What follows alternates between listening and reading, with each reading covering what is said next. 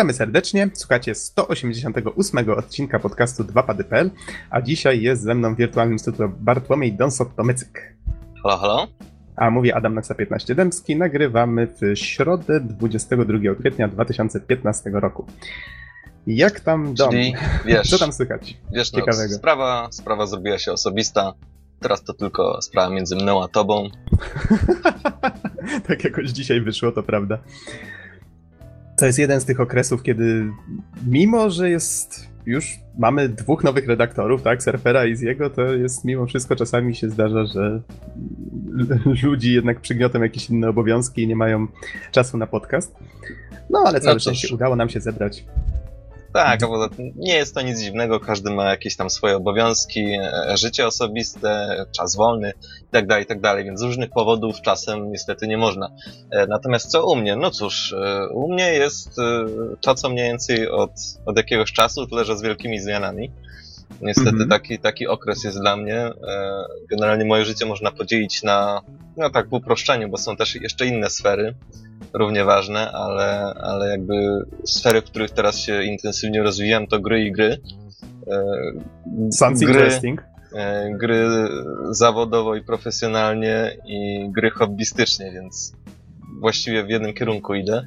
Natomiast, natomiast niestety grać nie mam zbyt wiele czasu.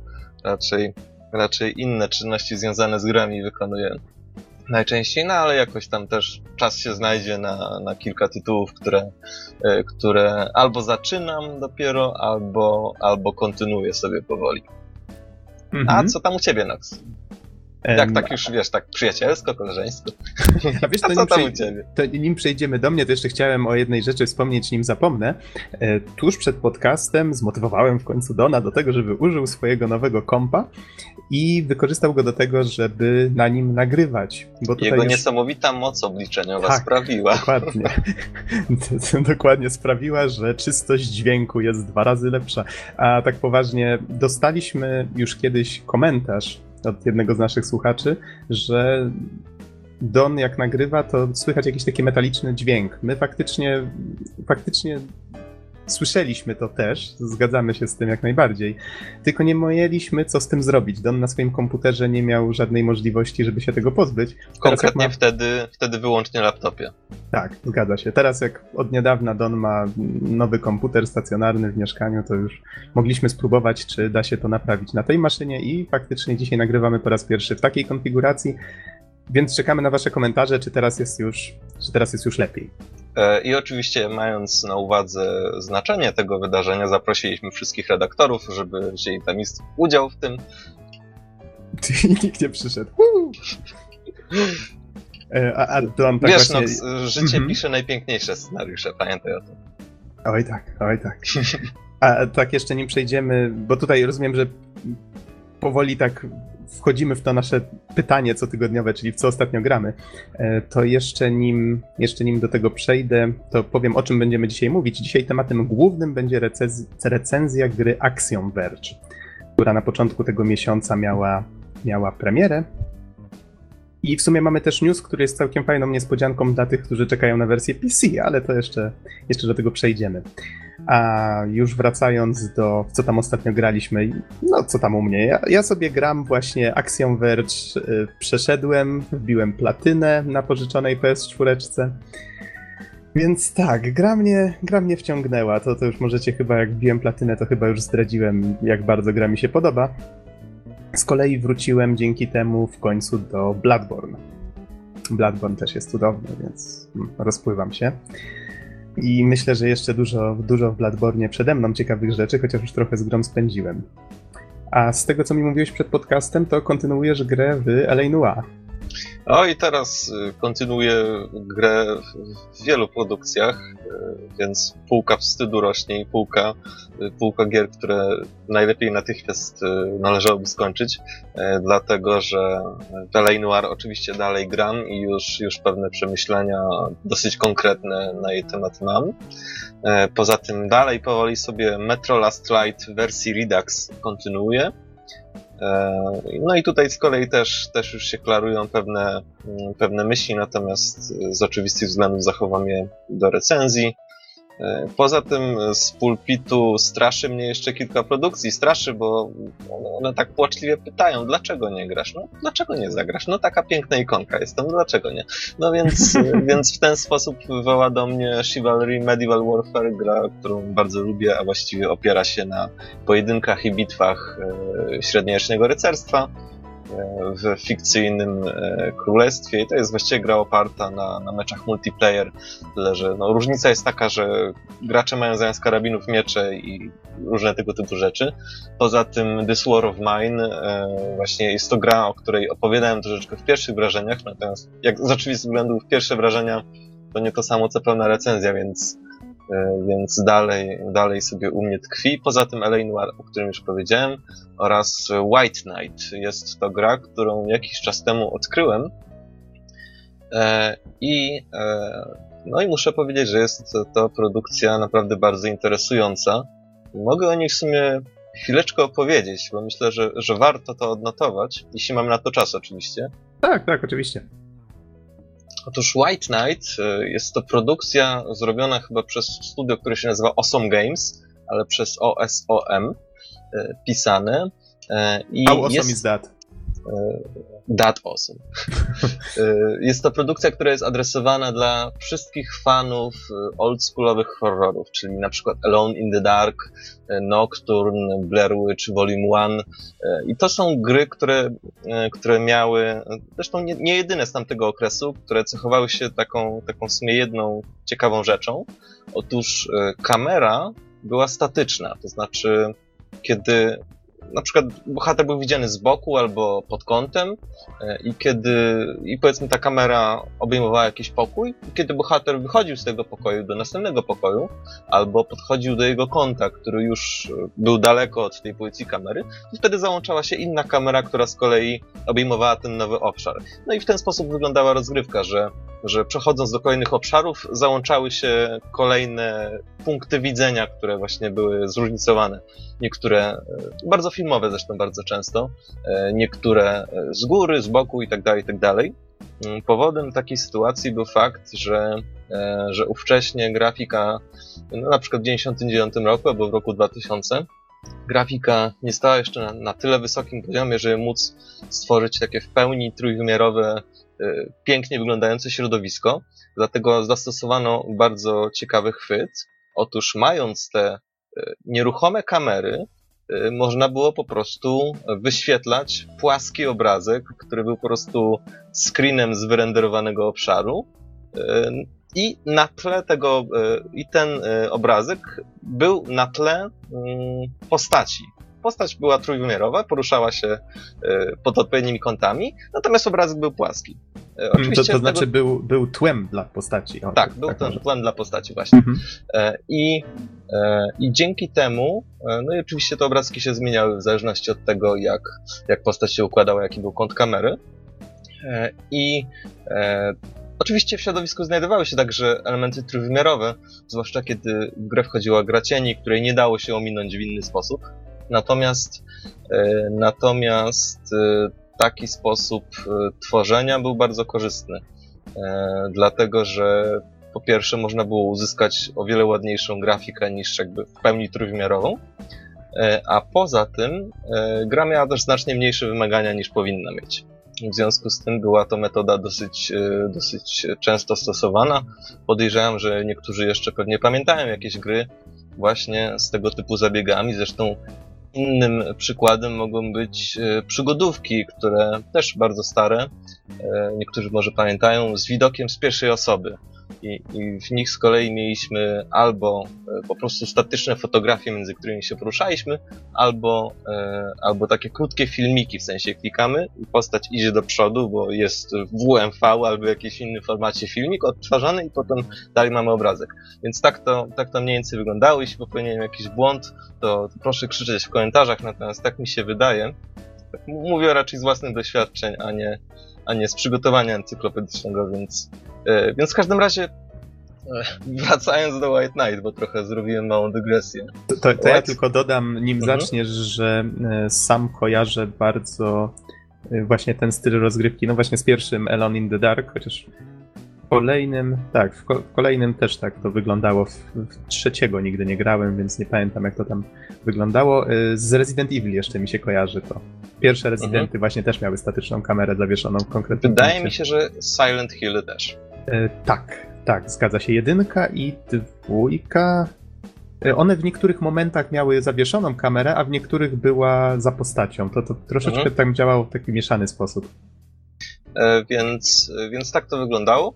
E, White Knight jest to gra, która właśnie została stworzona właściwie z myślą o wszystkich tych osobach, którzy są fanami tego typu gier. No, tego typu gry charakteryzowały się pewnymi cechami. Jedną z nich właśnie omówiłem. E, I e, jest to gra o tyle ciekawa, że ona, mm, ona jest wykonana w dosyć specyficznym stylu graficznym. E, Gdyż mamy tutaj nie tylko te statyczne kamery, które oczywiście cała gra jest całkowicie trójwymiarowa, ale mimo to one są statyczne, tylko tam delikatnie się poruszają, żeby nada- nadać dyna- dynamiki scenom. Natomiast oprócz tego gra jest zrobiona całkowicie w czerni i bieli i mało tego, e, ona stosuje takie ostrą czerń i ostrą biel e, z, też z efektem cel shading, czyli przypomina to trochę taki rysunek, może trochę komiks, W każdym razie w ten sposób to wygląda, kiedy na przykład e, mamy jakąś, e, mamy postać, która jest na czarnym tle, to wtedy, widzimy jej białe kontury oraz takie pewne e, elementy ubioru, które też są zaznaczone samymi po prostu liniami. Więc, więc tutaj jest to bardzo specyficzne. Jest to e, ekspresjo- ekspresjonizm niemiecki. Tego określenia się używało także w stosunku do limbo, które być może też kojarzycie.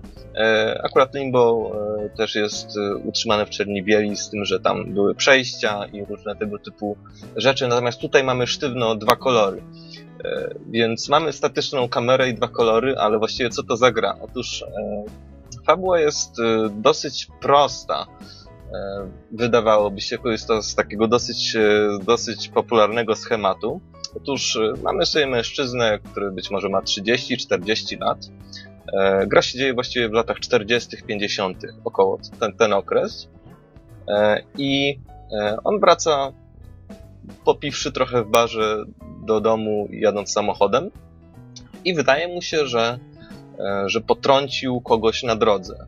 No i oczywiście próbując uniknąć kolizji e, z tą osobą, e, rozbija się i, i ląduje w środku pustkowia, w środku jakiegoś lasu, zupełnie nie wie gdzie. E, I naprzeciwko, naprzeciwko starej, starej posiadłości. No i oczywiście bohater, jako że jest ranny, to powłóczy nogami, porusza się bardzo powoli. No i jedynym jego celem jest uzyskanie pomocy, czyli zatrzymał się koło, tej, koło, koło tego domu, koło tej posiadłości, więc z oczywistych względów stara się tam dostać do środka i, e, i tę pomoc otrzymać. Mimo, że dom jest opuszczony, to próbuje na przykład korzystać z telefonu, żeby, żeby wezwać na przykład karetkę.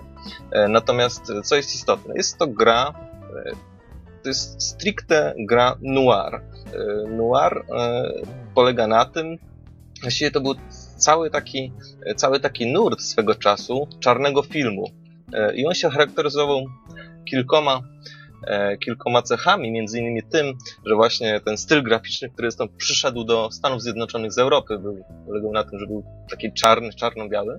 Natomiast e, sama fabuła filmu noir to by, były takie schematy, które się często powtarzały, na przykład e, pesymizm, e, niejednoznaczność moralna, bardzo często pojawia się fan fatal. Akurat dodajmy, że, e, że e, osoba, którą być może potrącił bohater to kobieta.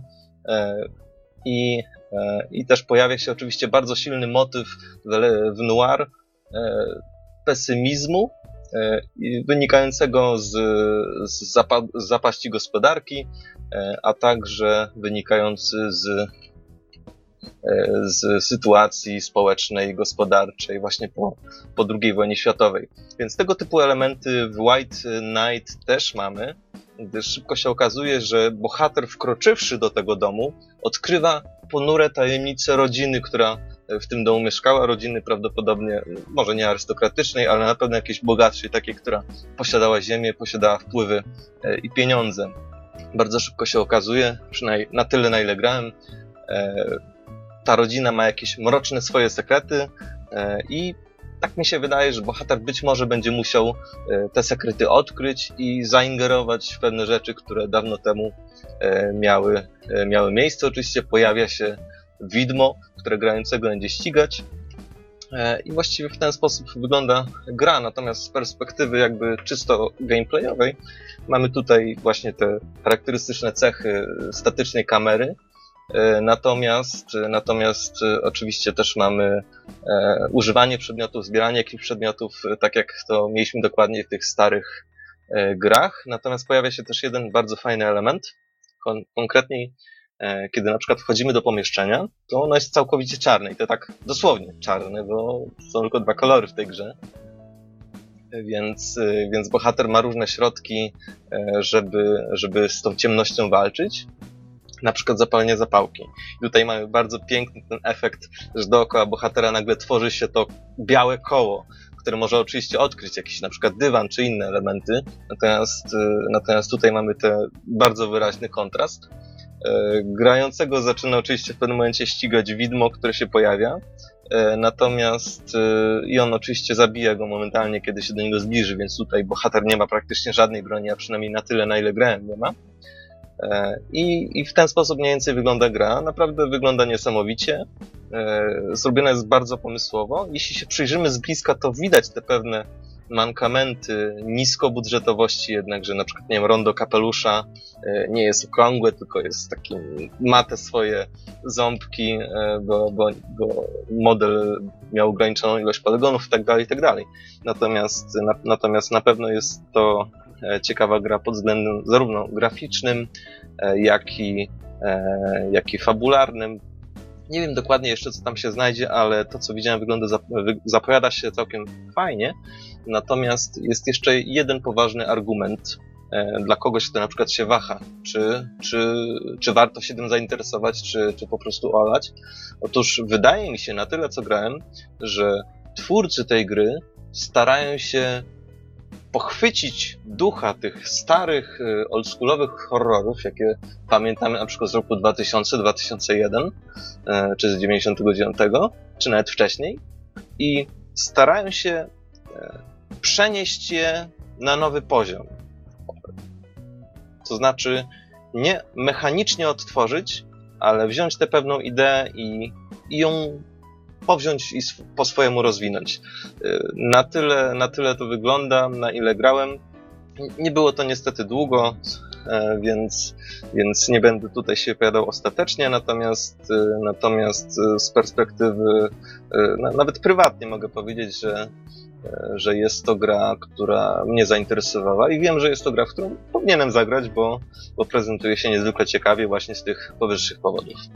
Mhm już wcześniej mnie... A jaka za... będzie, to, to wyjdzie na, na recenzji. Całkiem fajne pierwsze wrażenia ci wyszły. E, z kolei już wcześniej zainteresowałeś mnie tym tytułem.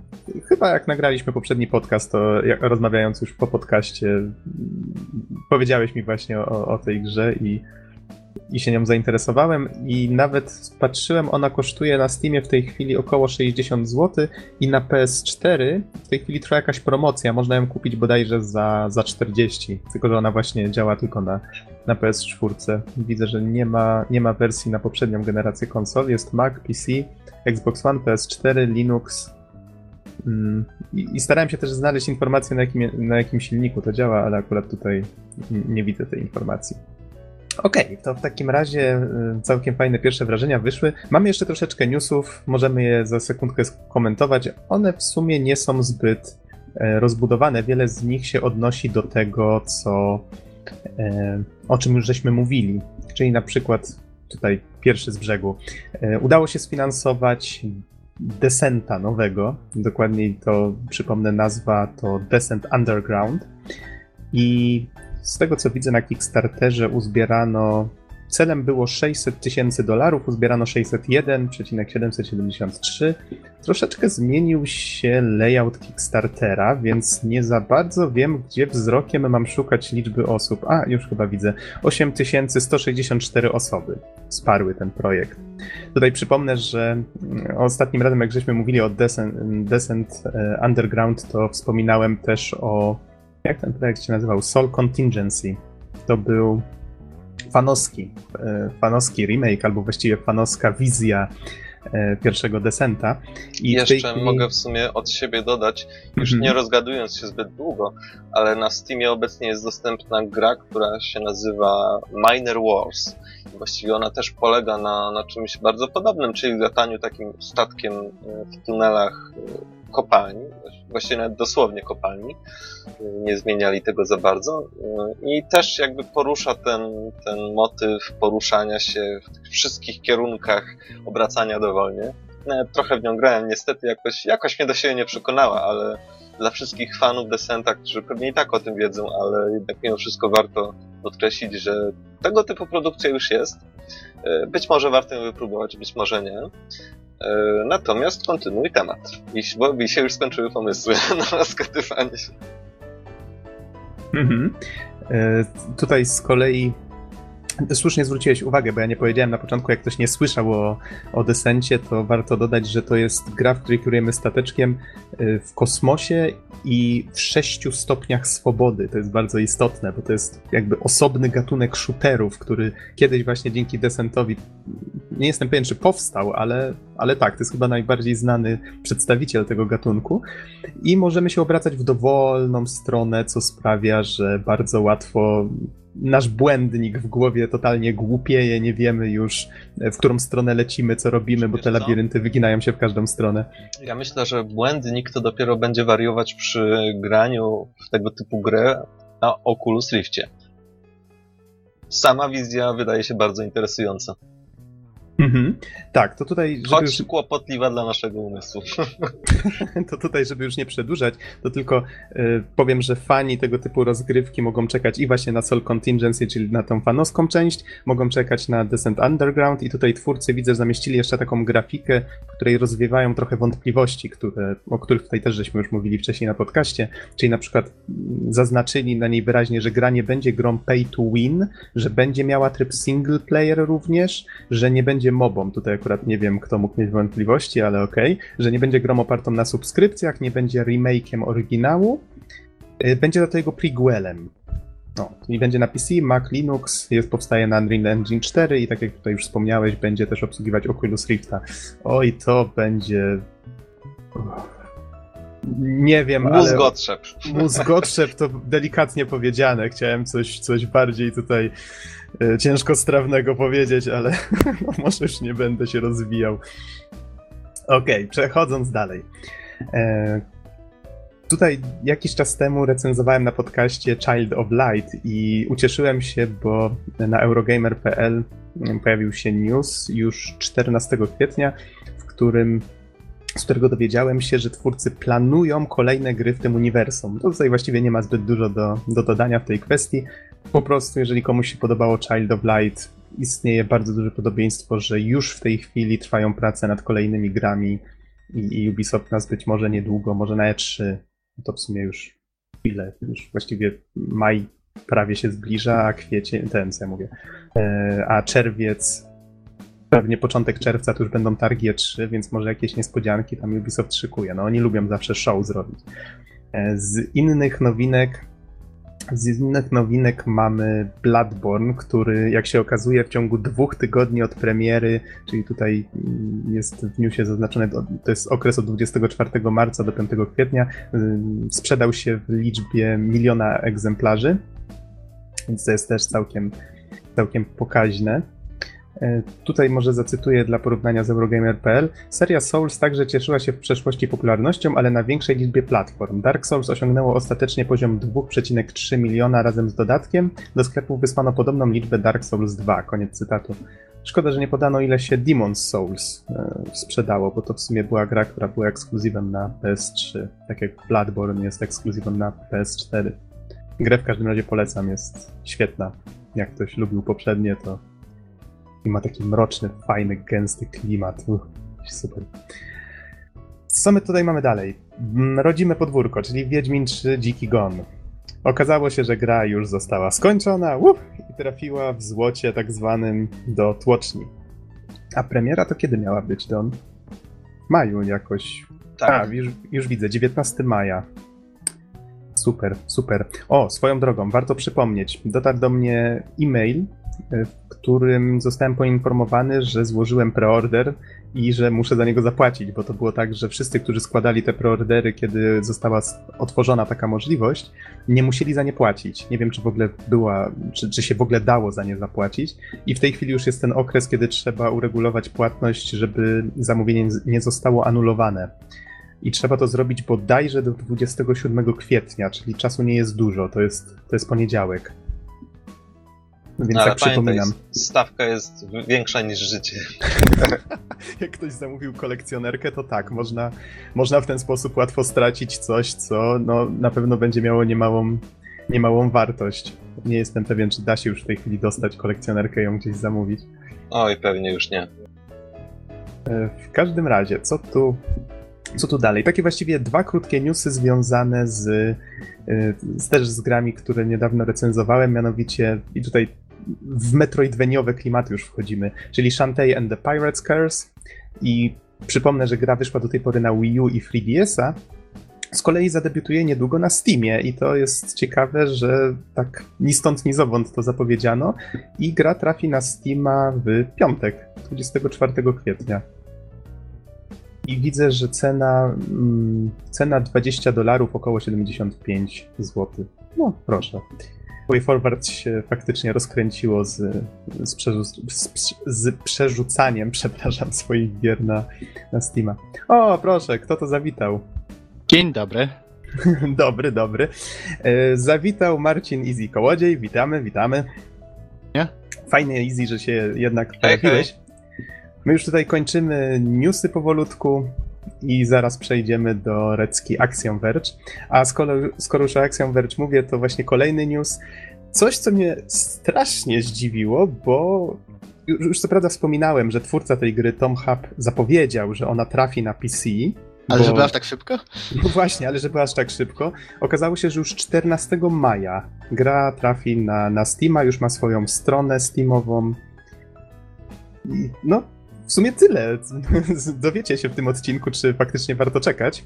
Osobiście powiem, że bardzo mnie to cieszy, bo tak jak mówisz, rozmawialiśmy o tym ostatnio i mówiłeś, a nie wiem, dlatego, bo coś tam Sony, bo raczej nie będzie zbyt prędko. A tu też dzisiaj jadę sobie spokojnie tramwajem, przeglądam RSS-a i 14 maja, ale nie, nie, to chyba nie ten rok. Ten rok. Hmm. No właśnie, to tak ciekawe, że Sony niby miało tą ekskluzywność, ale tak się spodziewałem, że jak już wykupili sobie ekskluzywność czasową, no to pewnie pół roku, może rok nawet. A tu proszę. Miesiąc z kawałkiem i, i gra leci już na Steama. Ale wydaje mi się, że oni chyba wyszli z założenia, że jak ktoś miał kupić tę grę, to kupił to w pierwszym tygodniu i no i na pewno im wpadło co nieco też na PSN-ie, więc chyba są zadowoleni z tego. Bo to jest raczej nisza, to nie jest gra, to nie jest gra, w którą zagrają miliony, chociaż no oczywiście życzę tego Tomowi.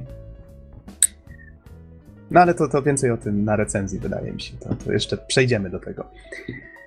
E, o, Easy. Skoro już tutaj jesteś, to tak wróćmy się kawałek i zapytajmy ciebie, w co tam ostatnio grasz? Czy może nie masz czasu grać? Co tam o, słychać? niestety ostatnio bardzo ciężko z czasem, więc niezbyt grałem, ale cały czas się szykuję do tego drugiego epizodu Life is Strange.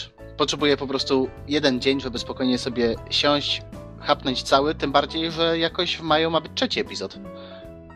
Mhm. Twórcy zapowiadali, że mają się ukazywać bodajże z sześciotygodniowymi odstępami. No to by się chyba nawet zgadzało. No, czyli tak, tak trzeba co po półtora miesiąca liczyć. Czyli jednak y, poza tym nie udało ci się w nic zagrać. No niestety i mam niecny plan, żeby na weekendzie sobie spokojnie usiąść, poszpilać coś i przygotować może jak, jakieś materiały na dwa pady, ale to na pewno nie dzisiaj. Dzisiaj dopiero co wróciłem z zajęć i chyba nie będę siedział tutaj zbyt długo, szczerze powiedziawszy. Dobra, to w takim razie rozsiądź się wygodnie, posłuchaj i jak masz pytania, to, to wal śmiało. Z kolei jeszcze pod podcastem, znaczy przypomnę, na naszej stronie jeszcze nie ma podpisów, tak, musimy się w końcu za to wziąć, wiemy, to, to tak trwa i trwa. E, Z kolei zamieszczamy to jak zwykle już od jakiegoś czasu na Facebooku. Jak jest nasza okładka w albumie, to w opisie do okładki znajdują się wszystkie linki, o których mówimy. I wrzucimy też filmiki i tutaj mm, z takich, które, które akurat wpadły mi w oko ostatnio, to postanowiłem dodać Final Fantasy XIV Heaven's Ward. Nie jestem pewien, jak to się czyta. Strony nieba. Heaven's Ward. Heaven's Ward. Heaven's Ward. I bardzo ładne intro jest prerenderowane, jak to już Square Enix nas przyzwyczaił, że potrafi ładne filmiki robić i opublikowali właśnie intro. Ono co prawda ponoć zawiera spoilery z trybu, bo przypomnę Final Fantasy XIV jest grą MMO i tutaj to intro zawiera ponoć spoilery z części fabularnej. Ja co prawda jakoś nieszczególnie nie mi zależy na tym, żeby, żeby unikać spoilerów z gier MMO, ale myślę, że filmik, no to, tak ostrzegam, jakby ktoś był mm, przewrażliwiony na tym punkcie też. W każdym razie filmik warto obejrzeć, bo jest bardzo klimatyczny i fajny.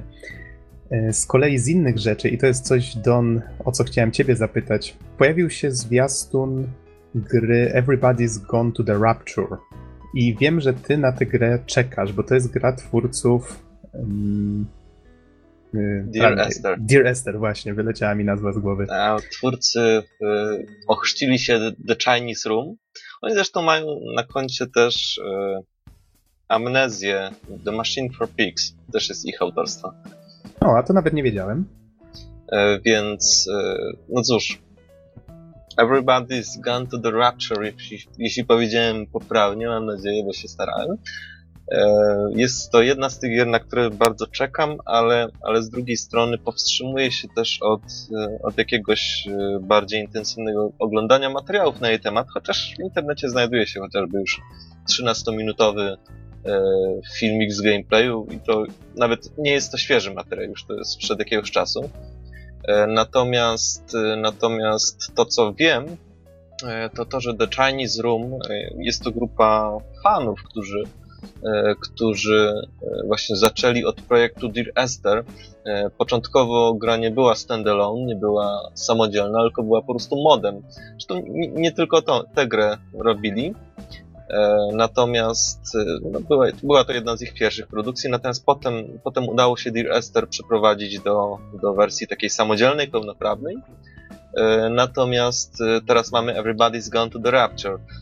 No i cóż, mm, przede wszystkim czekam na tę grę, dlatego że, e, dlatego, że The Chinese Room udowodnił mi, że potrafią e, zrobić grę, która jest całkowicie nietypowa i wydaje mi się, że Dear Esther e, zapisało się w jakimś, w jakimś stopniu na pewno w pewnej niszy w branży gier. Jest to właśnie ta gra, w której, w której właściwie nie ma żadnych interakcji, jest tylko to spacerowanie po opuszczonej wyspie i wysłuchiwanie monologów głównego bohatera. Te monologi e, są częściowo losowane, więc ta historia za każdym przejściem odkrywa nam się w troszeczkę inny sposób, w troszeczkę inny, jakby w innym zakresie. I, e, no i cóż, wiem też, że Dear Esther jest e, grą, która nie jest zbyt długa e, i że na pewno najlepiej zagrać wiedząc o niej jak najmniej, dlatego że dlatego że tutaj fabuła, ta historia, która jest nam przekazywana, jest po prostu kluczowa. E, I w, gry, w grach powinno się uczestniczyć, zwłaszcza w tego typu grach powinno się uczestniczyć, a nie oglądać.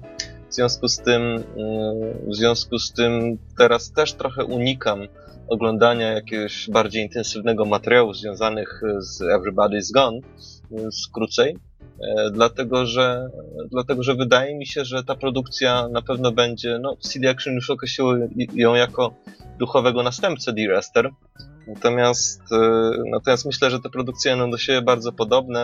E, nawet zaryzykuję stwierdzenie, że twórcy, twórcy w jakiś sposób rozwiną swój pomysł, e, co już, co już nawet widziałem na, w, w migawkach z gameplayu, bo jednak włączyłem sobie na moment, ale to dosłownie po parę sekund.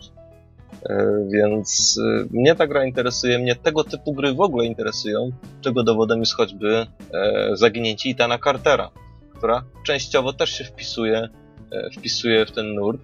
E, do tego polecam, e, polecam obejrzeć, obejrzeć zwiastun Everybody's Gone to the Rapture i ocenić, czy, czy tego typu produkcja o, o, o fabule na pewno innej niż w większości gier i pewnie przekazywanej także w inny sposób jest dla niego interesująca.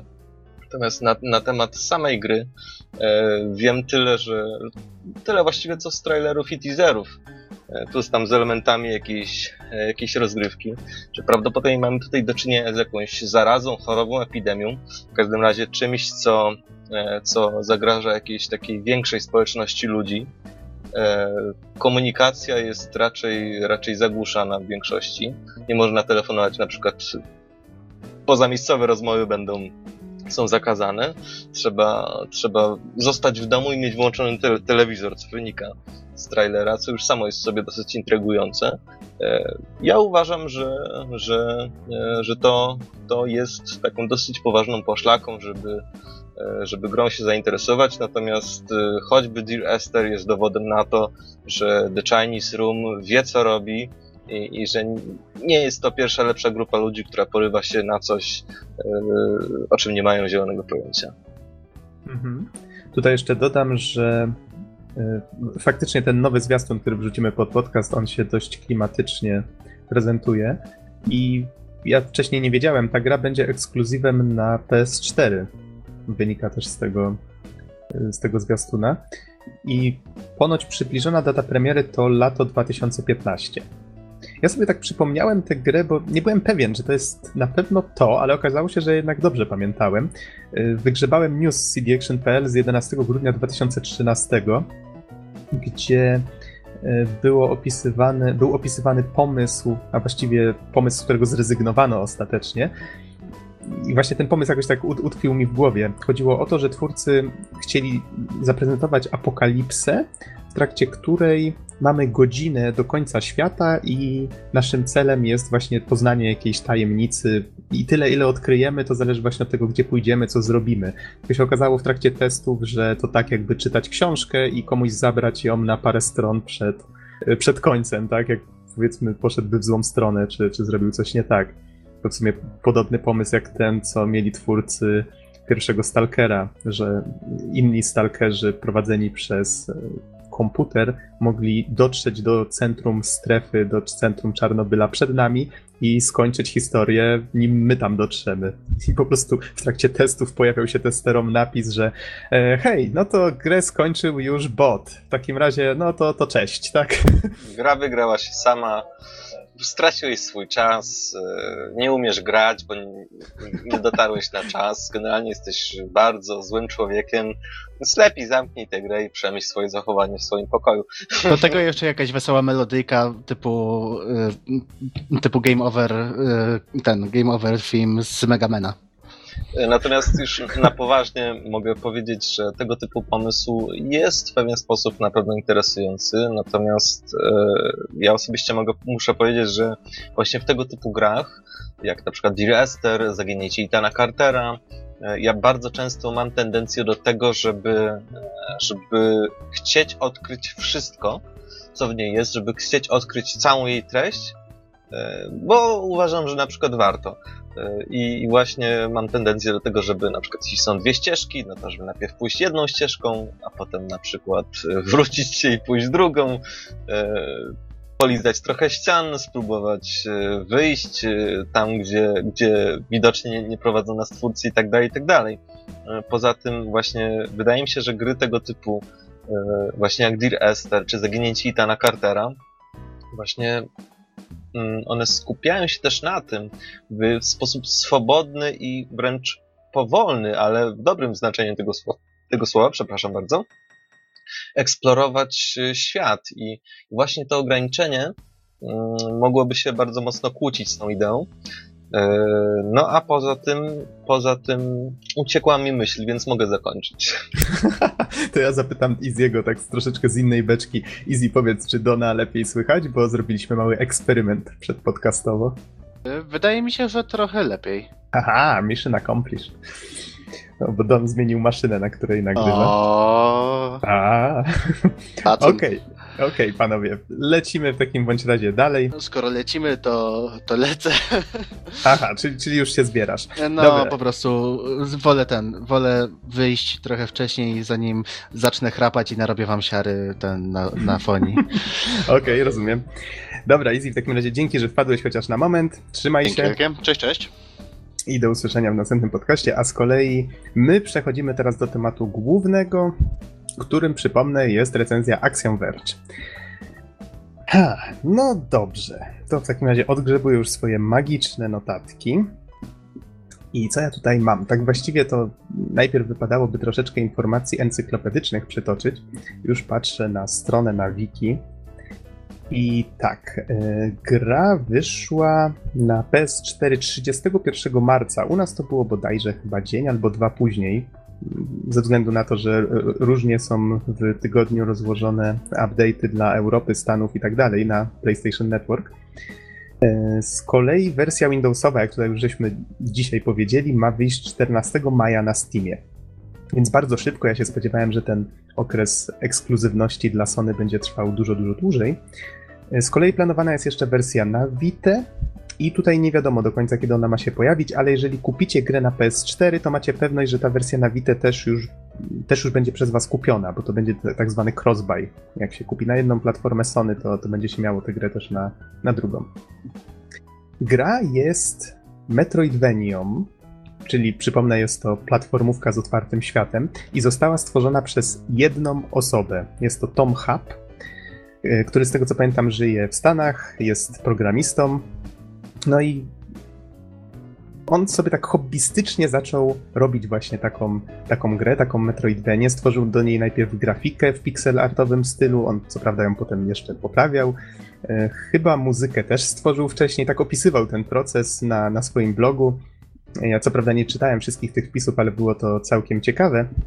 I w pewnym momencie wypuścił zwiastun. Ja jak go zobaczyłem, to stwierdziłem, że to to jest gra dla mnie, bo ona od, razu trafiała w takie rzeczy, które ja lubiłem e, jeszcze na Pegasusie jako dzieciak, czyli pixel art, e, szybka, fajna akcja, powiedzmy kontra. W Metroida pamiętam, że nie grałem jako dziecko, ale e, Metroidem zainteresowałem się no, parę, parę albo paręnaście, już nie pamiętam, lat później.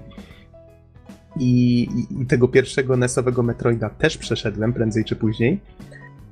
I właśnie Axiom Verge bardzo mocno nawiązuje do tego pierwszego Metroida. To była gra, w której się widziało akcję od boku, zwykła platformówka 2D, ale miała otwarty świat. Mnóstwo korytarzy, pokoików, jakieś podziemia obcej planety i tam byli bossowie, były znajdźki, które sprawiały, że stawaliśmy się silniejsi. Ta gra właściwie zapoczątkowała mm, przynajmniej Wiem, że niektórzy badacze uważają, że Metroidvania zaczęły się wcześniej, ale wydaje mi się, że ten pierwszy Metroid jakby tak ukształtował to, jak ten podgatunek platformówek się zaczął potem rozwijać. Potem Castlevania zaczęła to przyswajać i, i to się tak potem rozbuchało, zaczęło się to nazywać Metroid, Metroidvanią właśnie od tego, że te dwie, dwie serie tak, tak brnęły w ten, ten styl rozgrywki. I Axiom Verge bardzo mocno nawiązuje i oprawą, i właściwie on cały stara się być taki oldschoolowy i muzycznie, i graficznie, ale to może, może mm, zacznijmy może od takich, od takich innych informacji, mianowicie skupmy się może na fabule na początek. Bohaterem gry jest Trace. Trace jest naukowcem i już w intrze, które przypomniało mi troszeczkę Ninja Gaiden, czyli właśnie taki styl w rodzaju niewielka plansza i podpisy, mamy, e, widzimy jakiś eksperyment, ten eksperyment się nie udaje i w wyniku tego wypadku Trace trafia do dziwnego świata, budzi się w czymś, co przypomina taką, taką maszynę w kształcie jajka, co, co, coś w tym rodzaju. Później się dowiadujemy, że te maszyny nazywają się Rebirth Chambers, czyli e, komnaty odrodzeniowe.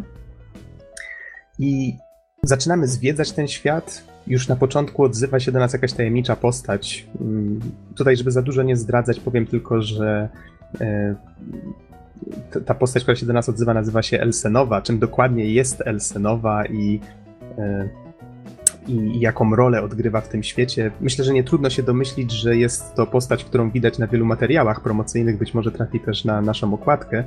Ale czym dokładnie jest Elsenowa, to już pozostawię niedomówione będziecie mogli sami odkrywać tajemnice tego świata, a jest co odkrywać, bo jest to naprawdę Tomowi udało się całkiem fajny świat skonstruować, bardzo ciekawy.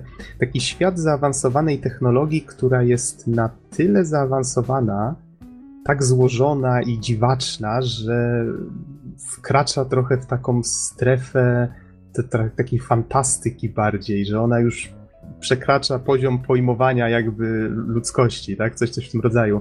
Mamy tutaj jakby taką Alicję w krainie technologicznych czarów, jak to sobie tutaj zapisałem, taką myśl, e, co zresztą troszeczkę sam twórca też e, też właśnie w tym kierunku jakby stara się zwracać naszą uwagę, bo Trace w pewnym momencie mówi, że czas, czas zobaczyć się z czarnoksiężnikiem, it's time to see a wizard, czy, czy, czy jakoś tak mówi. Więc mamy tutaj nawiązanie do krainy Oz. No tak jak wspomniałem, świat i świat jest intrygujący, sama historia też jest bardzo ciekawa. Postacie, które spotykamy, z którymi rozmawiamy, sam Trace zresztą, to nie są postacie czarno-białe. Y, czasami nie wiadomo do końca, jakie są ich prawdziwe cele y, i jaką Trace odgrywa rolę w, w tym, co się dzieje. Sam Trace jest o tyle ciekawą postacią, że on co prawda już na początku zdobywa broń. Jest to coś w rodzaju takiego mm, działa organicznego, które przyswaja kolejne sposoby ataków. I, i to, działo, to, to działo się rozwija. Po prostu latamy sobie, powiedzmy, jak w kontrze, strzelamy z masy różnych, różnych pocisków, pokonujemy mniejsze, większe stworki ale mimo to Trace jest postacią, która w dialogach, bo w grze pojawiają się różne kwestie mówione, one są pisane na, na ekranie. E, on zawsze, jak na przykład pojawia się boss na ekranie, to zwraca uwagę na to, że on nie chce nikogo skrzywdzić, on tak naprawdę działa tylko w obronie własnej i jeżeli tylko spotyka jakąś istotę, która wydaje się rozumna, tak, z którą da się pogadać, to próbuje to rozwiązać jakoś inaczej. No co z reguły kończy się tym, że i tak musi tego bossa pokonać. E, a spotykamy właśnie takie dziwaczne, wielkie stwory, które nie wiadomo do końca skąd się wzięły, ale to też jest właśnie część tajemnicy, którą musimy odkryć. Dużo, dużo ciekawych szczegółów na temat tego, o co tak naprawdę w tej historii chodzi. Jak bohater się znalazł w tym świecie, co to jest za świat, kto w nim żyje i dlaczego. E, dużo szczegółów na ten temat jest przemycanych w dialogach, i to i też w różnych notatkach, które znajdujemy. Co jest fajne, to to, że te notatki są w różnych językach. To, jak je tłumaczyć, to, to za chwilę jeszcze powiem, bo to jest też, też ciekawa rzecz. Ale jeżeli przechodzi się grę ponownie, to właśnie w samych dialogach też można znaleźć sporo różnych smaczków, które są zaszyte tak, że początkowo niekoniecznie zwraca się na nie uwagę, ale one mają jakieś tam znaczenie. To mi się bardzo spodobało, bo nigdy nie wiadomo, czy jakieś zdanie na przykład nie ma większego znaczenia niż nam się wydaje i dzięki temu też fabułę w różny sposób można, można interpretować czasami. E, z kolei gra pozostawia dużo, tutaj już kończąc temat fabuły, staram się oczywiście zdradzać jak najmniej, a, bo wydaje mi się, że to jest jedna z fajniejszych rzeczy w tej grze, żeby właśnie poznać, poznać to wszystko samemu i samemu sobie to w głowie poukładać. Niemniej, mm, niemniej gra pozostawia sporo niedomówień. Raczej wydaje mi się, że jasne jest, że że Tom planuje zrobić z tego serię i to akurat bardzo mnie cieszy, bo, bo materiał jest raczej sprzyjający na coś takiego. E, warto dodać, że tak przynajmniej zaobserwowałem, wydaje mi się, że gra ma troszeczkę dłuższe zakończenie, jeżeli przechodzi się ją na hardzie, bo mamy tutaj wybór poziomów trudności, możemy przechodzić ją na normalu lub na, lub na hardzie. Ja faktycznie wybrałem hard, jak to zwykle robię, ale strasznie żałowałem tej decyzji na samym końcu gry, o czym jeszcze myślę, że, że będę mówił. Więc jeżeli ktoś nie jest w 100% pewien swoich umiejętności, niech lepiej, niech lepiej zacznie na normalu. Z kolei, przechodząc już do mięsa, czyli do, do mechaniki, najciekawszą rzeczą, chyba że Don masz jakieś pytania a propos fabuły? Na razie nie, myślę, że, że wyczerpujesz temat. Mhm, Okej, okay, ale jakby co, to wtrącaj się, co, wiesz, tutaj będę dostosowywał się. Z kolei, jeżeli chodzi o mechanikę, no tutaj już wspominałem o tym, że zwiedzamy, zwiedzamy jakiś konkretny świat, nowe miejsca. Jest to właściwie taki. Jest to właściwie taki świat, który, no już wspominałem tutaj o technologii, ale on jest dość surrealistyczny. To jest coś strasznie fajnego, bo ten pixel art, ta muzyka, która jest. To, to wszystko buduje taki taki troszeczkę, no psychodeliczny to za dużo powiedziane, ale surrealistyczny to chyba, to chyba lepsze określenie. Surrealistyczny klimat. Mamy jakieś w tle na przykład niepokojące kształty, yy, dziwną kolorystykę, animacje, na przykład zdarza się, że w niektórych pokojach są w tle wielkie kamienie, olbrzymie głazy, które biją jak serce, albo jakieś żyłopodobne kształty, które też jakoś się tak wiją i i jakby coś płynęło przez nie. Innymi słowy, różne takie niepokojące rzeczy, jakieś rzeźby w, w dziwnych kształtach, albo właśnie jakieś obce, mechaniczne elementy. Ponoć żona Toma, jak zobaczyła, jak pracuje nad grą, to określiła to That's the stuff of nightmares. Czyli to jest jak, jak rzeczy z koszmarów sennych.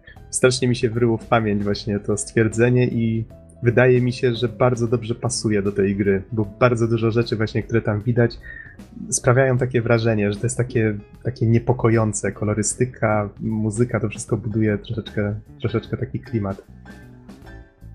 E, z kolei, jeżeli chodzi o samą mechanikę, dość szybko dostajemy różne ciekawe, ciekawe rzeczy, ciekawe narzędzia. Na przykład na początku dostajemy wiertło, które pozwala nam się przewiercać przez różne elementy. No i my na przykład e, Czasami widzimy, że jakiś blok da się przewiercić, czasami nie widzimy, więc od razu tutaj twórca może poukrywać różne znajdźki poza naszym zasięgiem. Ale jeszcze ciekawszą zabawką jest glitch gun. To jest coś, co pozwala nam gliczować otoczenie, wpływać na rzeczywistość i nagle wtedy widzimy, że ten świat, który zwiedzamy, on właściwie jest tak jakby światem gry komputerowej. Tak powiecie, o da! Oczywiście, że jest światem gry komputerowej, ale mm, no tak, ale czy to ma znaczenie fabularne, czy nie ma znaczenia fabularnego? Czy, czy no właśnie, to tu się rodzą tak kolejne pytania. Czy faktycznie świat, w którym jest bohater, jest prawdziwy, czy jest wirtualny? To jest właśnie jedna, jedna z, jedno z pytań, które się rodzi. Zresztą już na samej stronie gry, e, tutaj sobie tylko kliknę w odpowiednim miejscu, już na stronie głównej jest taka kwestia podana e, życie, życie po życiu, re, e, świat rzeczywisty, świat wirtualny, sen, koszmar. Linia między nimi jest cienka, tak? It's axiom verge, czyli to jest na, na krańcu aksjomatu, tak można przetłumaczyć tytuł gry. Więc nie wiadomo do końca, dlaczego to wszystko tak działa. Na część tych pytań jest odpowiedź w grze, na część być może poznamy odpowiedź kiedy indziej. E, na część tych pytań wydaje mi się, że można sobie próbować odpowiedzieć samemu, bo twórca daje pewne wskazówki. Niemniej jest to bardzo, bardzo ciekawe i, i udało się Tomowi wykreować taki dość, dość ciekawy, e, do, dość ciekawą rzeczywistość na potrzeby Axiom Verge. No i wracając do tego naszego glitchgana możemy zmieniać nim otoczenie. On generuje jakieś takie pole przed postacią i jeżeli tylko znajdzie się w tym polu przeciwnik albo na przykład jakaś część otoczenia, która jest wrażliwa na glitchgana, Czyli powiedzmy, jest jakieś miejsce, gdzie jest platforma, ale ona jest niewidoczna i zaczynamy używać na niej glitchgana, to ona wtedy coś, coś tam, jakieś, nie wiem, piksele zaczynają się pojawiać, znikać. Mamy takie jakieś glicze w powietrzu, które wyglądają swoją drogą bardzo wiarygodnie. Jeżeli ktoś grał kiedyś na Pegasusie i próbował na przykład wyjąć cartridge, włożyć go znowu i widział te wszystkie palety sprite'ów, które się nagle zaczynają psuć i to się pojawia na ekranie, to Tom właśnie w ten sposób to odwzorował. On, jak sam stwierdzał, on właśnie na, na czymś takim e, to była część jego wspomnień, tak, związanych z graniem na starych konsolach i on się lubił tym bawić i, i tu właśnie próbował to, to wykorzystać te swoje, te swoje doświadczenia z tym, że powiedzmy wkładał najpierw jeden cartridge, wyjmował go, wkładał następny i patrzył, jak ta pamięć, która jeszcze została w konsoli, wpływa na to, jak się gra na kol kolejną grę, że nagle można przechodzić przez ściany albo robić inne dziwne rzeczy. I on właśnie w ten sposób chciał skonstruować akcję Verge. I muszę przyznać, że to mu się, to mu się faktycznie udało, bo można albo znajdować sekrety za pomocą tego glitchgana, można zmieniać w ogóle sposób, w jaki przeciwnicy się zachowują, bo każdy z nich po zgliczowaniu nagle zaczyna się zachować zupełnie inaczej. Jego sprite na przykład zaczyna wariować i się wyświetlać tak jak w jakiejś zepsutej grze, że widać na przykład e, tak jakby się przesunęło jego obrazek o, o jedną czwartą w lewo i do góry, tak? Tak tego typu rzeczy. E, z kolei ci przeciwnicy zaczynają na przykład inaczej atakować, albo czyli na przykład są mniej skuteczni w atakowaniu nas, albo są wręcz przeciwnie, bardziej skuteczni. Po zgliczowaniu może się okazać, że na przykład nie da się w ogóle zniszczyć danego przeciwnika, ale że robi wtedy za platformę, na której możemy stanąć i tak dalej i tym podobne. I to czasami też wpływa fajnie na znajdowanie kolejnych, kolejnych znajdziek. Jest tu też coś, co twórca nazwał Secret Worlds, I to są już też takie totalnie odjechane glitch worldy. Na zasadzie nagle się okazuje, że ekran zaczyna śnieżyć przy jakiejś ścianie. Ok, więc niszczymy tę ścianę i okazuje się, że za nią jest y, jakiś taki zupełnie inny świat, który wydaje się jakby był zep taką zepsutą rzeczywistością. Czyli, że elementy otoczenia są poprzestawiane, mają inne nieprawidłowe kolory i no tak jakby po prostu się zepsuła gra na Pegasusie i, i my nagle zamiast, zamiast ją zresetować, tak to brniemy w ten, w ten glitch i staramy się zobaczyć, co tam, co tam znajdziemy. I to, co... No i tam oczywiście można znaleźć różne przedmioty, które też nam pomogą. I to, co jest ciekawe a propos tych Secret Worldów, to to, że jeżeli się nie mylę, sama ich struktura, bo to są z reguły takie poskładane z kilku, kilkunastu pokoików, niewielkie labirynciki, ich struktura jest zawsze losowa. Mało tego, to gdzie one się znajdują na mapie, też jest losowe za każdym razem, jak zaczynamy nową akcję na, no, na nowym slocie, na nowym save'ie, tak? W trakcie rozgrywki można znaleźć bodajże cztery, z tego co pamiętam, cztery czy pięć, no jest ich kilka w każdym razie, ale one za każdym razem są rozłożone w, w innych miejscach na mapie i choć minęło już trochę od premiery, to ludzie nadal nie są pewni, gdzie dokładnie można je, mo, można je znaleźć. Tam niektórzy twierdzą, że są setki tych miejsc, gdzie, gdzie one mogą się wylosować. Znalezienie ich ułatwia właśnie ten szum. Jeżeli się zbliżamy do tego miejsca, to nagle ekran zaczyna w taki charakterystyczny sposób śnieżyć. Więc to, to jest bardzo fajne i klimatyczne. Mamy też różne umiejętności, o których tutaj nie będę się zbytnio rozwodzić, żeby nie psuć wam niespodzianki, bo to jest jedna z fajniejszych rzeczy w tej grze. Ale mamy tutaj na przykład przenikanie przez ściany. tak, wiem, mi to ciekawie, ale y, też to jest nawiązanie właśnie do takich starych gliczy, a działa w ten sposób, że powiedzmy podchodzimy do ściany, naciskamy dwa razy do przodu i, i postać nagle zaczyna tak jakby przesuwać się lewo-prawo w, w przestrzeni, nagle pyk i się pojawia po drugiej stronie ściany. I w ten sposób też jest wiele rzeczy w grze poukrywane i ta umiejętność zresztą jest dalej rozwijana w ciekawy sposób wraz z postępami. I E, wspomniałem o, o tym, że na przykład listy, które znajdujemy, są w różnych językach. I to też jest ciekawa rzecz, właśnie związana z taką rzeczywistością przypominającą grę komputerową. Znajdujemy coś, co pozwala nam wpisywać kody. Y, kody w sensie, no może nie takie cheaty na, na zasadzie, jak, jak to się kiedyś znajdowało w czasopismach, ale kody, które są fabularnie jakoś, chociaż może są tam zwykłe kody też mm, ukryte, tego akurat pewien nie jestem wiem, że jak się wpisze coś, co się zaczyna na aksjom, to gra nagle e, ostrzega, że po zatwierdzeniu tego kodu y, przestaną trofea się wbijać na, na tym save'ie, ale w sieci znalazłem informację, że nikt tak naprawdę nie wie, co pod tym aksjom trzeba wpisać, żeby to zadziałało tak naprawdę i dało jakiś efekt. Ale są różne kody, które można znaleźć właśnie w listach, można je znaleźć w inny ciekawy sposób i tu nie powiem w jaki, bo zbierałem żuchwę z podłogi autentycznie, jak odkryłem pewną rzecz sam i przypadkiem i, i stwierdziłem, że to jest genialne. Kilka znajdziek jest ukrytych cudownie naprawdę w tej grze, w wyjątkowy sposób. I, I, to wykorzystuje właśnie te wszystkie glicze, kody i, i, inne tego typu rzeczy, ale takie najbardziej oczywiste kody są wykorzystane do tego, żeby przetłumaczyć na przykład e, część listów napisanych w obcym języku. I tu nie mam na myśli powiedzmy niemieckiego czy rosyjskiego, tylko mam na myśli jakiś tam język obcej cywilizacji, tak? Albo chyba są dwa, dwa albo trzy takie języki w całej grze. E, co ja tutaj sobie dalej zanotowałem? No tutaj tak wchodzę w szczegóły, bo wydaje mi się, że to jest dość istotne akurat w przypadku tej gry. Charakterystyczne i naprawdę fajne. E, z kolei mogę jeszcze dodać, że tak a propos moich doświadczeń z innymi Metroidvaniami i tutaj, jak zdobywa się różne umiejętności z reguły, które pozwalają nam poruszać się w ciekawszy sposób, to wydaje mi się, że tutaj Tomowi udało się bardzo dobrze znaleźć równowagę w tym, żeby nie dać graczowi zbyt dużo mocy na zasadzie. No to tutaj może podam konkretny przykład.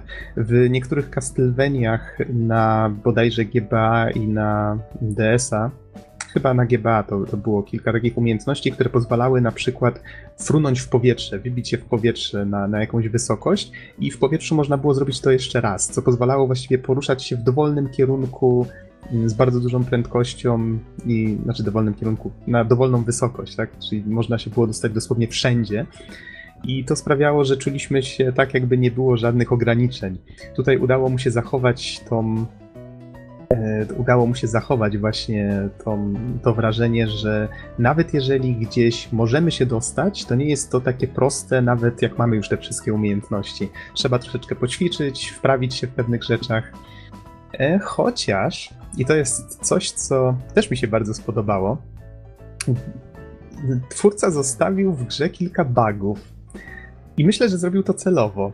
Na przykład istnieje, tutaj nie będę mówił jak to zrobić, żeby nie psuć wam zabawy, ale istnieje w grze na przykład sposób na to, żeby faktycznie unosić się w powietrzu na zasadzie powiedzmy wybić się w powietrze, zrobić coś konkretnego i tutaj jak gra teoretycznie powinna nam nie pozwolić użyć tej umiejętności zaraz po, jej użyciu po raz pierwszy, to można coś zrobić i z, użyć jej ponownie, czyli teoretycznie można się unosić na dowolną wysokość, robić inne tego typu cuda, ale wątpię, żeby twórca to załatał, bo to jest to jest fajna rzecz, która sprawia, że speedruny robią się bardziej e, emocjonujące, tak? Ludzie odkrywają nowe rzeczy, nowe bugi, które można wykorzystać i wbrew pozorom nie psuje to gry jakoś szczególnie. Wydaje mi się, że, że twórca musiał brać to pod uwagę. E, z innych takich rzeczy udało mi się raz na przykład zapaść pod jakąś podłogę autentycznie, na zasadzie przeniknąłem pod podłogę i tak jak z reguły kamera idzie za postacią, tak tutaj nie szła i nagle się okazało, okazało że wędruję sobie gdzieś po mapie, będąc kamerą cały czas w zupełnie innym pokoju, co wydaje mi się też było celowe i było nawiązaniem na przykład do e, do bugów, jakie można znaleźć w Castlevania Symphony of the Night. Tutaj istnieje strona w internecie, na której społeczność oni się bodajże nazywali świat, y, świat poza, poza ścianami, y, World Beyond Walls. I oni starali się jak najwięcej procent mapy odkryć, y, patrząc właśnie na takie glicze i próbując łazić nie po mapie, tylko na mapie za mapą, tak? Co coś w tym rodzaju. Wydaje mi się, że tutaj Tom też zamieścił, zamieścił takie nawiązanie do tego. Co prawda kontrolowane, jestem, jestem pewien, że tam nie da się nic zepsuć, jak to się robi, chociaż kto wie. E, z kolei wspomniałem o speedrunach i wydaje mi się, że warto troszeczkę rozwinąć tę myśl, bo gra ma osobny speedrun mode. E, w tym trybie nie ma na przykład elementów losowych, czyli tych secret worldów, nie ma cutscenek, nie ma dialogów, to wszystko jest wycięte. W górnym rogu mamy zegar. E, można też sobie włączyć, żeby się pojawiały czasy pokonania konkretnych bossów. Więc jak tylko ktoś chce na przykład na PS4, no czy na Steamie w tej chwili też już można, przepraszam, na Steamie też już w tej chwili można streamować e, gameplay, to jak najbardziej można właśnie użyć tego, żeby ktoś włączył sobie stream, zobaczył jaki mamy czas. Przy okazji właśnie brak tych takich elementów fabularnych sprawia, że, że gra tym bardziej sprzyja temu speedrunowi. Bardzo fajnie, że, że Tom dodał coś takiego w grze. I tak muszę tutaj zerknąć w notatki, o czym ja jeszcze nie wspomniałem. E, chyba nie wspomniałem o najważniejszej rzeczy, czyli właśnie o tym, że mamy masę różnych broni do zdobycia, te znajdźki, które możemy znaleźć. To mogą być albo power-upy, które zwiększają nasze zdrowie, siłę zadawanych obrażeń, wielkość pocisków, to zależy, czy broń akurat wspiera taki dodatek, czy nie, czy na przykład zasięg danej broni. E, ale zdobywamy też przeróżne bronie. W większości z nich w ogóle nie musimy zdobywać, żeby ukończyć gry. One są po prostu po to, że mm, być może nam się spodoba jakiś, jakiś rodzaj broni. Jedna na przykład sprawia, że jak uderzymy w ścianę, to nagle odbija się, pocisk właściwie idzie po ścianie, tak? Zaczyna się poruszać wzdłuż ściany. E, są jakieś takie rodzaje shotgunów, które zadają dużo obrażeń, ale mają bardzo krótki zasięg które można zwiększać tymi znajdźkami. Mamy bronie na dużą odległość, bronie, które strzela, strzelają bardziej losowo w różne strony albo dość ciekawymi algorytmami czasami się poruszają. Mam wrażenie, że jeden z, jedna z broni to był bodajże tworzył pocisk, który się rozdwajał, czyli tworzył coś w rodzaju drzewa binarnego. I za każdym razem to drzewo było troszeczkę inne. Nie wszystkie z tych broni, przyznam szczerze, były potrzebne. Wydaje mi się, że tak z mniej niż z połowy korzystałem od czasu do czasu, a z reszty nie korzystałem praktycznie wcale. Więc być może to zależy od tego, w jakiej kolejności gracze będą je znajdować. Może się przyzwyczają do jakichś, może nie. Ale mam wrażenie, że chyba wolałbym, żeby, żeby twórca trochę większy nacisk położył na inne rzeczy i na przykład mniej tych broni stworzył. Nie wiem, może akurat stwierdził, że chciał, żeby tyle tych broni tam było. Mnie się wydało to troszeczkę zbędne. Jedyny moment, kiedy faktycznie czułem, że muszę wszystkie te bronie przetestować, to była walka z ostatnim bossem. I to jest właśnie to, co mówiłem, że na hardzie e, na hardzie mnie po prostu zmiażdżył ten boss. To, tak jak mówię, jak, jak cała gra była trudna, przyznaję. Tak, po dotarciu do ostatniego bossa stwierdziłem, że jest niemożliwa do skończenia. Autentycznie. E, miałem wtedy na liczniku To 12. jakaś nowość chyba. Tak, tak, przyznaję, że mnie to mocno zaskoczyło. Nie chcę tutaj opisywać dokładnie z czym ani jak się walczy, ale o mój Boże, trzy, trzy wieczory próbowałem pokonać tego bossa. I dotarłem do niego chyba mając 12 godzin na liczniku. Na poprzednim podcaście pamiętam, że mówiłem, że mam 10 godzin, pomyliłem się, miałem 8, więc już i tak byłem dość blisko końca gry. Z kolei 12 godzin za pierwszym podejściem do gry to faktycznie dotarłem do bossa i stwierdziłem, że nie, okej, muszę się wrócić, zdobyć wszystkie przedmioty, jakie tylko dam radę i tutaj mm, sz- szturmować go, będąc bardziej przygotowanym. No i drugie tyle, czyli chyba 24 godziny łącznie, miałem na liczniku, jak miałem 95% przedmiotów, 99% mapy. No tam sprawdziłem potem już w sieci, bo byłem raczej zmęczony już troszeczkę tym szukaniem. Się okazało, że tam w jednym miejscu nie odkryłem, że przeciwnika można jakoś zmorfować i zdobyć przedmiot, w jeszcze innym nie zauważyłem jakiegoś napisu na ścianie, chyba takie dwie rzeczy mi tam gdzieś umknęły. Niemniej super się szukało tych wszystkich znajdziek, to jest coś, co właśnie lubię w tego typu grach. I wróciłem do tego bossa i nadal uważałem, że jest niemożliwy do pokonania. Ostatecznie siostra cioteczna usiadła ze mną i zaczęła kombinować, jak tu właściwie można go wykończyć. No przecież nie zajrzę do solucji, jak pokonać ostatniego bossa. Kaman, to nie w moim stylu. Znaleźliśmy bardzo prosty sposób, którego tu może nie przytoczę, ale był naprawdę prosty w realizacji i okazało się, że był najbardziej skuteczny. Nawet później się zorientowaliśmy, że na YouTube ktoś radzi, żeby w ten sposób właśnie tego bossa pokonać.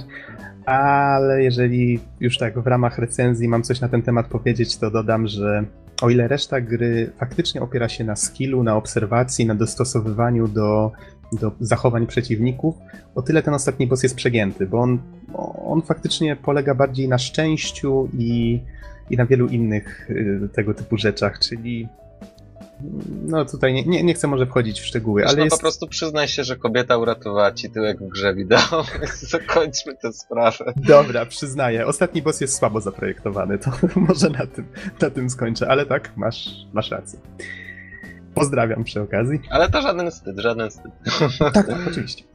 E, Z kolei, co dalej mam tutaj zanotowane? Mm, Wspomniałem o broniach, wspomniałem o speedrun mode, wspomniałem o, o bugach, które zostały w grze, myślę, celowo zostawione. Swoją drogą, a propos speedrun, e, speedrunów, wspomniałem tutaj o tym, ile gra mi zajęła, więc może warto dodać też, że jak już ją skończyłem na 100%, to przeszedłem ją potem jeszcze dwa razy. Raz na speedrun mode i tu już zajęła mi 2,5 godziny.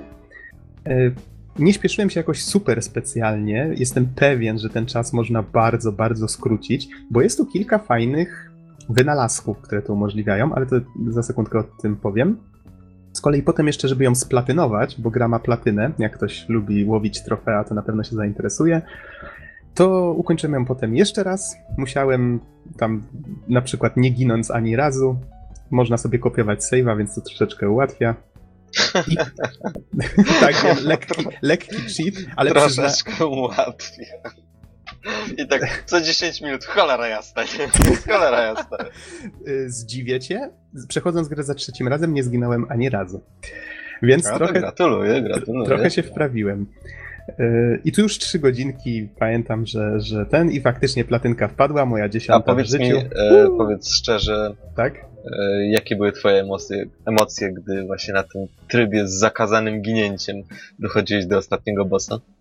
Powiem ci, że ten, ta, ten sposób, który znaleźliśmy na ostatniego bossa, nie zawiódł mnie ani razu. I właściwie nie wymaga prawie w ogóle skilla, więc e, wow. więc akurat to nie to był. Nie to był e, problem. Wydaje mi się, że jest szczególnie ostatnia lokacja. Są takie miejsca, w których łatwo zginąć od zwykłych przeciwników. Wystarczy popełniać błędy takie dość e, oczywiste, wpadać na pociski czy, czy inne tego typu rzeczy. ale tu już bym musiał wejść w umiejętności w grze, które pozwalają na kilka bardzo ciekawych rzeczy i nie chciałbym tego robić, żeby tu nie, nie zdradzać pewnych ciekawostek. Za to chciałbym wspomnieć o czymś innym, mianowicie spotkałem się z narzekaniami i sam też troszeczkę na to narzekałem przy pierwszym podejściu, że w grze przydałyby się jakieś teleporty. Mamy tu świat otwarty, mamy, możemy chodzić gdzie chcemy, ale jeżeli chcemy przejść od punktu A do B, powiedzmy w dwóch przeciwległych punktach, musimy je przejść o własnych siłach, bez żadnych teleportów. Jest tu pewien sposób na szybsze podróżowanie, ale tak jak mówię, wolałbym zostawić Wam eksplorację, naszym słuchaczom, odkryjcie sami pewne rzeczy. W każdym razie teleportów takich typowych w grze nie ma, ale jest coś innego. Mianowicie te Rebirth Chambers czyli te savey tak naprawdę, to w czym bohater budzi się na początku gry, to są stacje, w których saveujemy i one mają pewną ciekawą właściwość. Jak zginiemy, bohater odradza się w nich. Widzimy, że z bohatera wylatują takie czerwone kuleczki i lecą w stronę ostatniego save'a, z którego skorzystaliśmy. I to ma znaczenie fabularne, ma też znaczenie takie, że nie tracimy naszych postępów, jak zginiemy. Gra co prawda przynosi nas do save'a, automatycznie grę save'uje, więc jeżeli ktoś w trakcie tego achievementa, tak, czy trofeum, żeby nie ginąć, nagle zginie, to powinien jak najszybciej grę wyłączyć, żeby nie zdążyła się zapisać. I tu, tu też mam, mam, przed oczami Noxa, który w panice szybko, szybko, szybko. Y, w każdym razie, do czego zmierzam? I, i potem wiesz, taka sytuacja, Boże, czy to, czy to zdążyło się zapisać, czy nie zdążyło się zapisać? W każdym razie taka sytuacja, y, znaczy, co ja mówię? Zaczynam powtarzać po tobie. E, do czego zmierzam? Zmierzam do tego, że nie traci się postępów, jak się zginie, za to to działa jak teleport, bo przenosimy się do ostatniego save'a, z którego skorzystaliśmy. I to w swej prostocie jest genialne do speedrunów. W speedrunach Speedrunnerzy z reguły, jak ktoś oglądał Awesome Games Done Quick, ten event, no w czerwcu będzie Summer e, Games Done Quick, więc mam nadzieję, że akcją Verge do tego czasu ktoś się na tyle zainteresuje, żeby tam wystąpić i pokazać prawdziwą klasę, nie to co moje 2,5 godziny, casualowe speedrunowanie. I mam nadzieję, że właśnie zobaczymy na, na Summer Games Done Quick tę grę i, e, i, i ktoś pokaże, jak można fajnie z tego korzystać, bo o ile speedrunnerzy z reguły nie korzystają z saveowania, no bo to zabiera sekundy. No w tym przypadku na przykład ta maszyna musi się zamknąć, musi się otworzyć, pojawić się informacja, że gra się zapisała.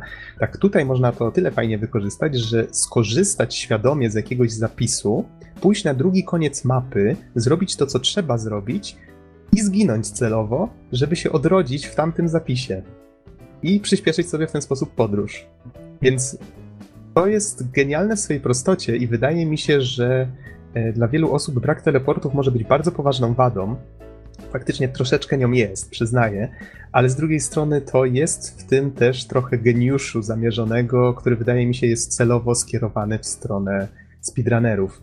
I tak samo jak można się czepiać, że level design też troszeczkę dałoby się gdzieś poprawić, żeby powiedzmy gdzieś dojście było prostsze czy coś w tym rodzaju, tak jak zacząłem speedrunować tę grę, to też zauważyłem, że e, dużo przyjemniej grało mi się już właśnie wiedząc dokładnie gdzie pójść, co zrobić i, i, wtedy ten flow rozgrywki był dużo, dużo wyraźniejszy, więc wydaje mi się, że Tom specjalnie tę grę projektował też pod to, żeby speedrunowanie było przyjemniejsze i fajniejsze.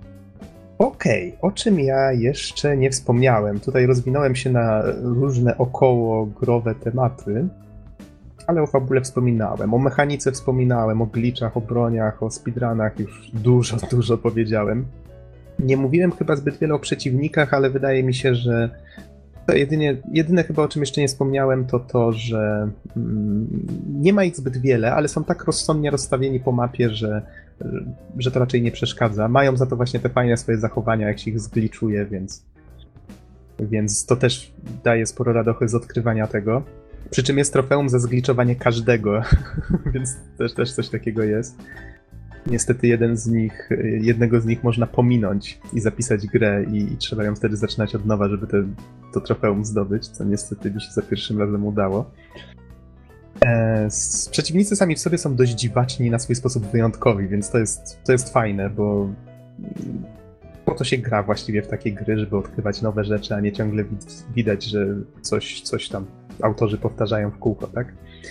No i jeżeli chodzi o samych bossów, to tutaj dodam tylko, że twórca fajnie się bawi konwencją postrzegania bossów w grach w ogóle i jest tu kilka takich ciekawych, e, ciekawych pomysłów, ale to może nie będę się, się rozwijał. Przynajmniej dwóch bossów takich w grze jest, którzy, którzy są dość no, ciekawi, choć ciężko ich nazwać bossami, ale są, są ciekawi, jeżeli chodzi o samą, sam pomysł. Dobra, i tak już e, idąc ku konkluzji, sama oprawa, no tutaj już wspominałem, że jest oldschoolowa, że bardzo wiarygodnie te wszystkie glicze wyglądają, e, że wszystko jest w takim solidnym pixelarcie wykonane. Jeżeli miałbym wskazać jakieś wady, to jeżeli miałbym wskazać jakieś wady, to właściwie czasami przy niektórych bossach kamera się oddala bardzo daleko, co akurat w grach opartych na pixel arcie czasami nie wygląda, znaczy czasami, no, masło maślane, co w grach opartych na pixel arcie jakiekolwiek ruszanie kamerą sprawia, że te piksele już nie są jednakowej wielkości na ekranie i to czasami robi dziwny, tworzy dziwny efekt. No i tutaj czasami ekran oddala się dość znacznie, tak, żeby zmieścić jakiegoś wielkiego bossa na ekranie i nie wiem, jakiś taki dziwny mi się wydał ten efekt.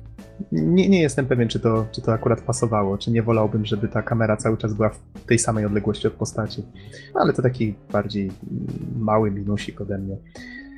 E, warto też chyba dodać, że muzyka i dźwięki są bardzo klimatyczne i pasują do gry, ale raczej wykończą waszych domowników, więc grajcie w słuchawkach. To są takie oldschoolowe popykiwania czasami albo inne dźwięki, czasami ma, mało przyjemne, jeżeli lecą, lecą z telewizora i ktoś nie patrzy na to, co się dzieje na ekranie, więc taka mała rada ode mnie.